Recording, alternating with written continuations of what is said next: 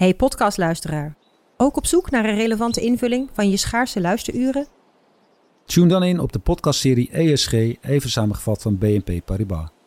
Wij, Marloes en Aldert, spreken daar duurzame voorlopers en wereldverbeteraars. Waarover dan? Nou, bijvoorbeeld of we ooit duurzaam kunnen gaan vliegen. En waarom koeien in de stad nou een goed idee is?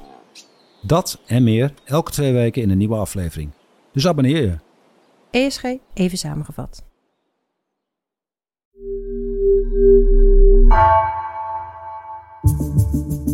Vanaf de redactie van NRC het verhaal van vandaag. Mijn naam is Thomas Ruip.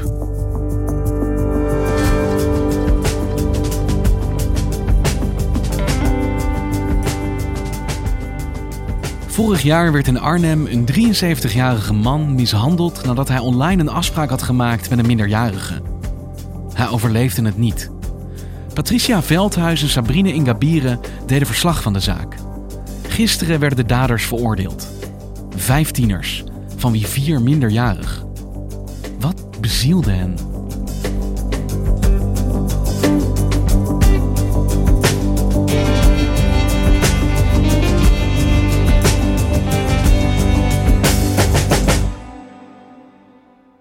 Het is woensdag 28 oktober om kwart over negen s avonds.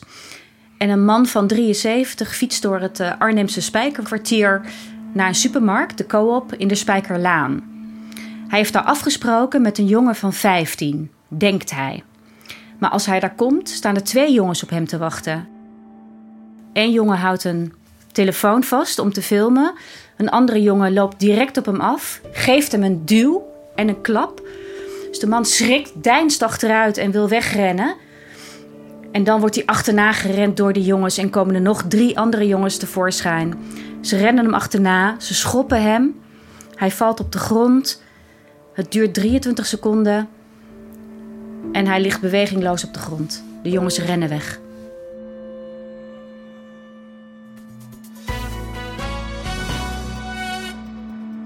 Een 73-jarige man is gisteravond in het Arnhemse Spijkerkwartier door meerdere mannen zwaar toegetakeld. Na urenlange reanimatiepogingen is de man aan zijn verwondingen overleden. Dit is allemaal gefilmd door een van de verdachten. Een van de jongens heeft dit filmpje gemaakt. En dat duurt dus maar 23 seconden. En dat filmpje is in handen van de politie gekomen. En ik heb de inhoud daarvan vrij uh, precies gehoord tijdens uh, de rechtszaak. Vrij kort na de mishandeling worden de vijf uh, jongens opgepakt. En met name hun leeftijd, nou daar was iedereen verbaasd over. Want de jongste is nog maar 15 en de oudste is 18. Het zijn er twee van 16 en één van 17. Tieners. Pubers, ja. En dat fascineerde me zo dat ik er samen met mijn collega Sabrine Ingabire ben ingedoken. Hey Patricia, meestal als wij met elkaar spreken, dan gaat het over onderwijs. Uh, want jij bent onderwijsredacteur. Hoe ben jij nou in dit verhaal terechtgekomen?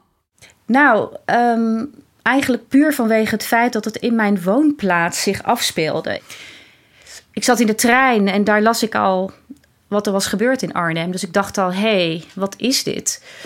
Ik was net thuis, toen belde mijn chef om te vragen of ik even langs wilde fietsen. En het is heel dicht bij mijn huis, dus ik ben op de fiets gesprongen en naar het Spijkerkwartier gefietst. En ben daar gaan rondvragen. En wat trof je daar aan? Ja, het was donderdagmiddag, dus de middag na uh, de mishandeling.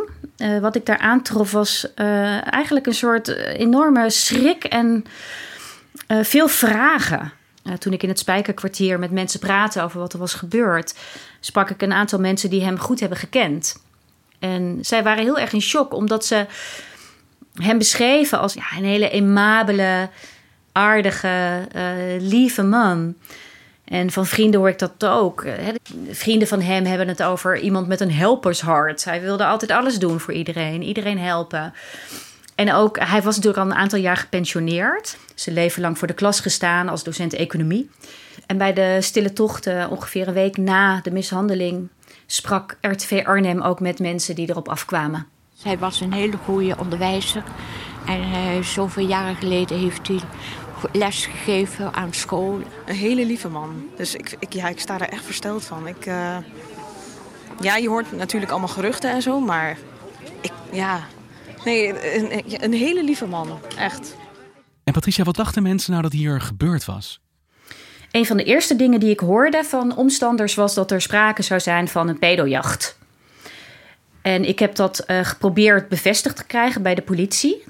Maar zij eh, wilde dat nog niet bevestigen. Dus eigenlijk uh, twee weken later heeft het Openbaar Ministerie gezegd dat het inderdaad ging om pedojacht. Waarbij vijf jonge jongens dus een oudere man in de val hebben gelokt. Want waren er aanwijzingen dat hij zich bezig zou houden met ja, seks met minderjarigen of daarnaar op zoek zou zijn? Nee, voor zover ik weet, uh, was dat voor zijn omgeving echt een totale verrassing. En ook het Openbaar Ministerie heeft onderzoek gedaan naar hem. En zij hebben geen aanwijzingen kunnen vinden dat hij ooit eerder een afspraak heeft gemaakt met een minderjarige om daar seks mee te hebben. Daar zijn dus geen aanwijzingen voor, maar het lijkt er wel op dat hij met dit motief is aangevallen en ja, daarna dus ook is overleden. Ja, want dat weten we. Hij is ingegaan op een advertentie om seks te hebben met een jongen van 15. Want wat is hier dan gebeurd, Patricia? Ja, dat is de vraag waar, waarmee ik aan, aan de slag ben gegaan. Omdat ik echt wilde weten van... Hoe kan dit nou? En om daarachter te komen ben ik vooral gaan kijken van... Wat voor jongens zijn dat nou? Uh, wat we weten is dat ze elkaar bijna alle vijf uh, goed kenden.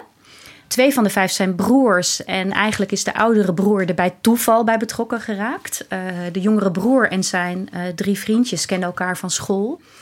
Maar ze kennen elkaar ook van de voetbalvereniging, van de tennisclub. Ze kennen elkaar uit de buurt.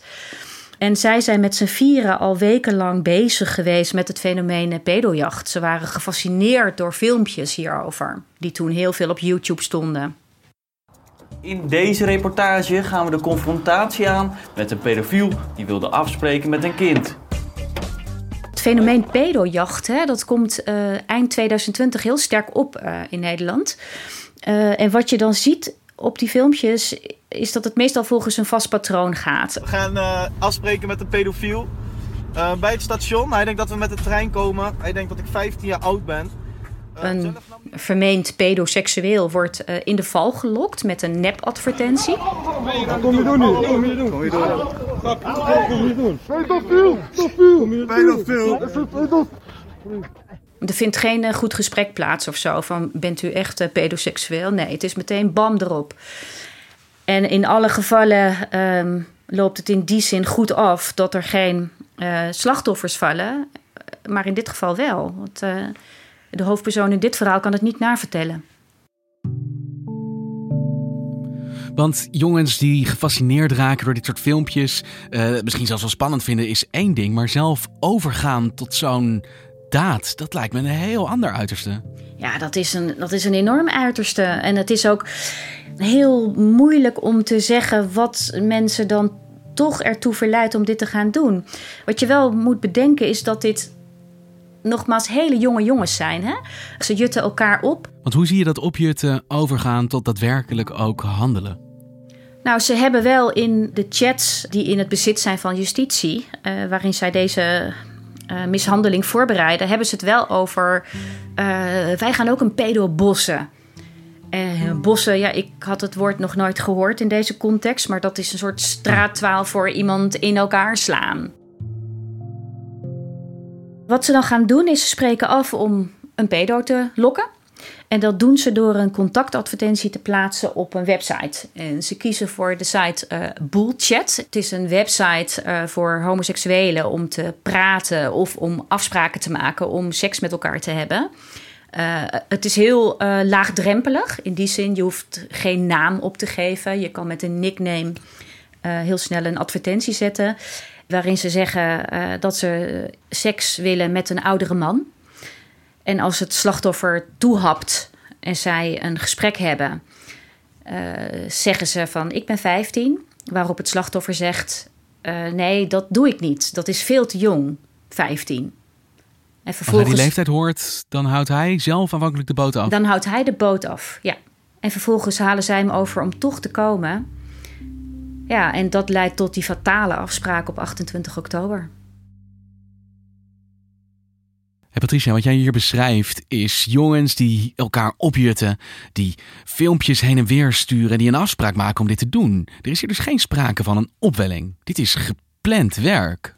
Ja, ze waren in berichten op WhatsApp echt aan het plannen om hem nou ja, op te wachten en te confronteren en daarbij geweld te gebruiken. Maar natuurlijk niet om hem te doden. Dat was niet hun uitgesproken intentie. Nee, ze wilden hem laten schrikken.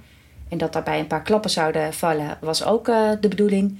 Maar niet dat ze hem zouden doden. De vraag was waaraan hij precies was overleden.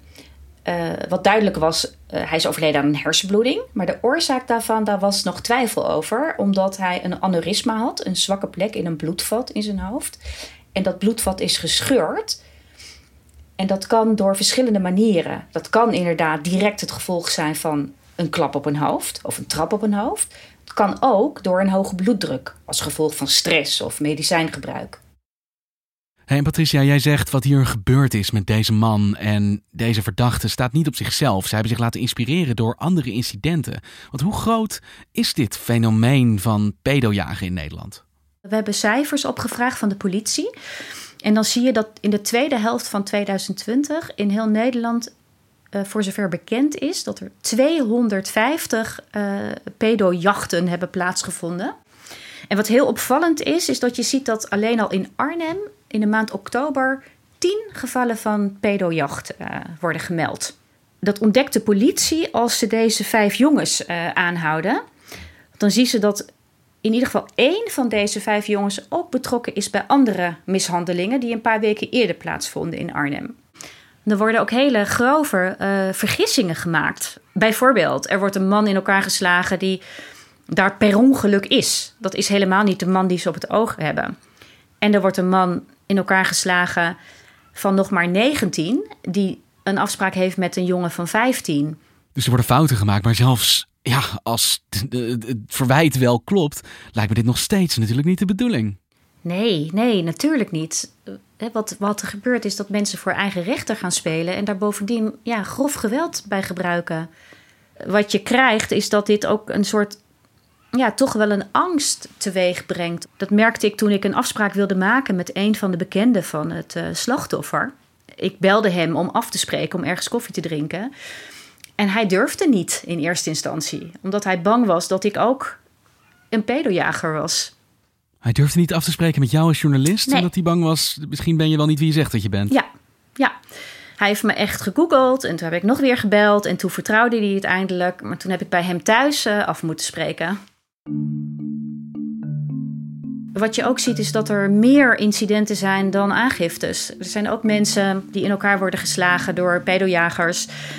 Uh, die uiteindelijk geen aangifte durven te doen. Omdat aangifte doen betekent dat je uit de kast moet komen. Dat andere mensen weten dat jij homo bent. Uh, of dat zou misschien al wel weten dat je homo bent, maar dat jij dus een afspraak wilde maken met een jonge jongen. Ja, en als die drempel tot het doen van aangifte hoog is, dan ja, kun je dus wel stellen dat het aantal zaken veel hoger ook zal zijn dan we nu eigenlijk weten. En waar komt dit nou vandaan, Patricia? Waarom doen mensen nou net dit en waarom nu? Ja, dat hebben wij natuurlijk ook aan de politie gevraagd. Hè? Wat is hier aan de hand? En zij noemen een aantal factoren. Uh, coronaverveling.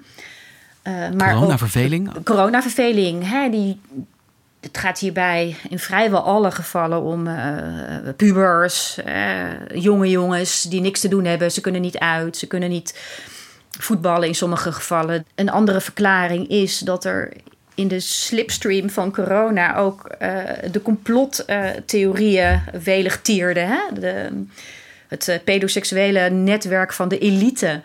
Dus pedo was ineens, stond voor alles wat er fout ging in de wereld, zo ongeveer. Mm. Alleen de bottomline is, we weten het niet. Het is een beetje tasten in het duister.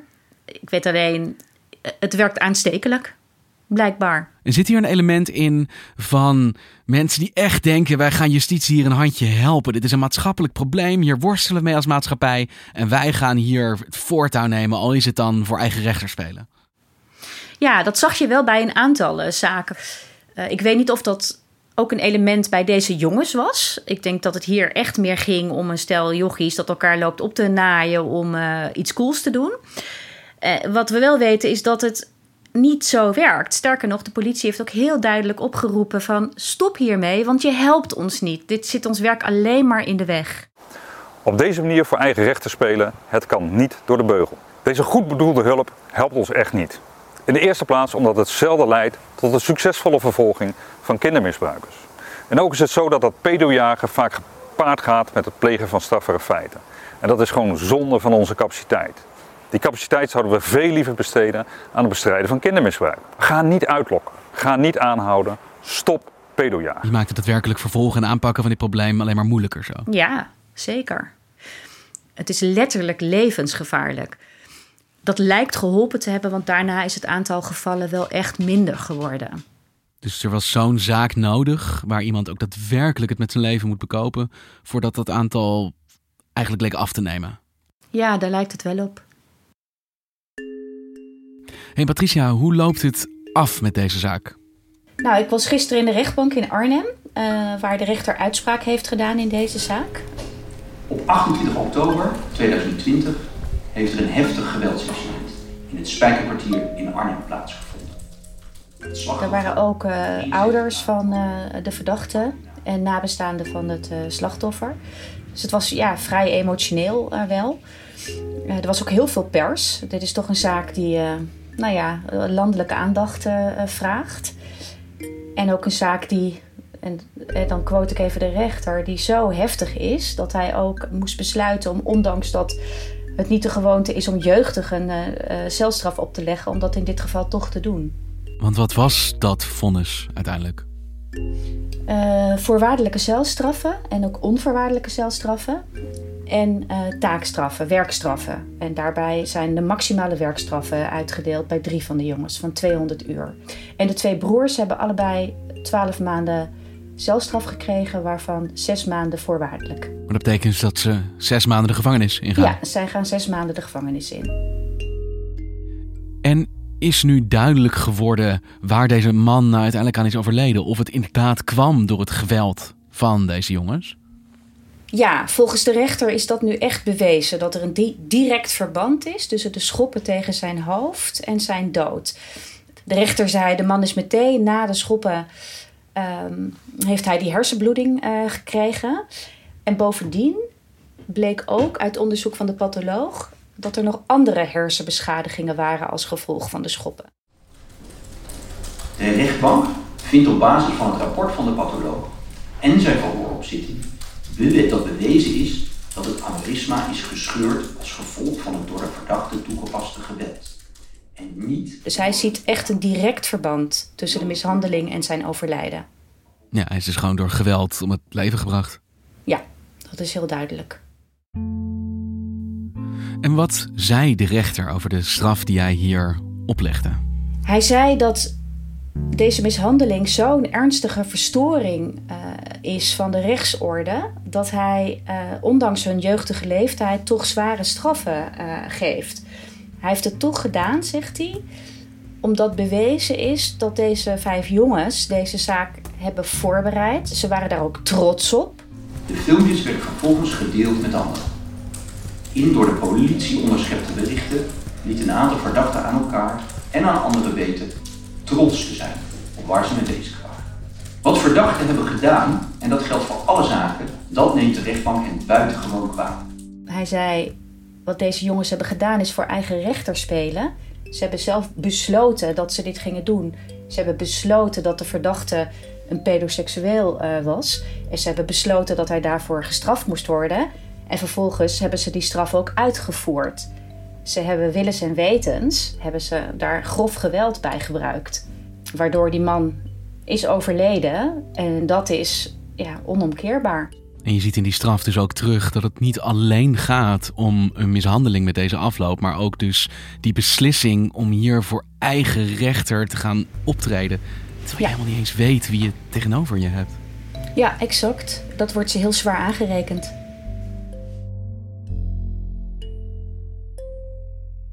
Dankjewel, Patricia. Graag gedaan. Je luisterde naar vandaag, een podcast van NRC. Eén verhaal, elke dag. Deze aflevering werd gemaakt door Iris Verhulsdonk, Henk Ruigrok van de Werven en Jeroen Jaspers. Dit was vandaag. Morgen weer.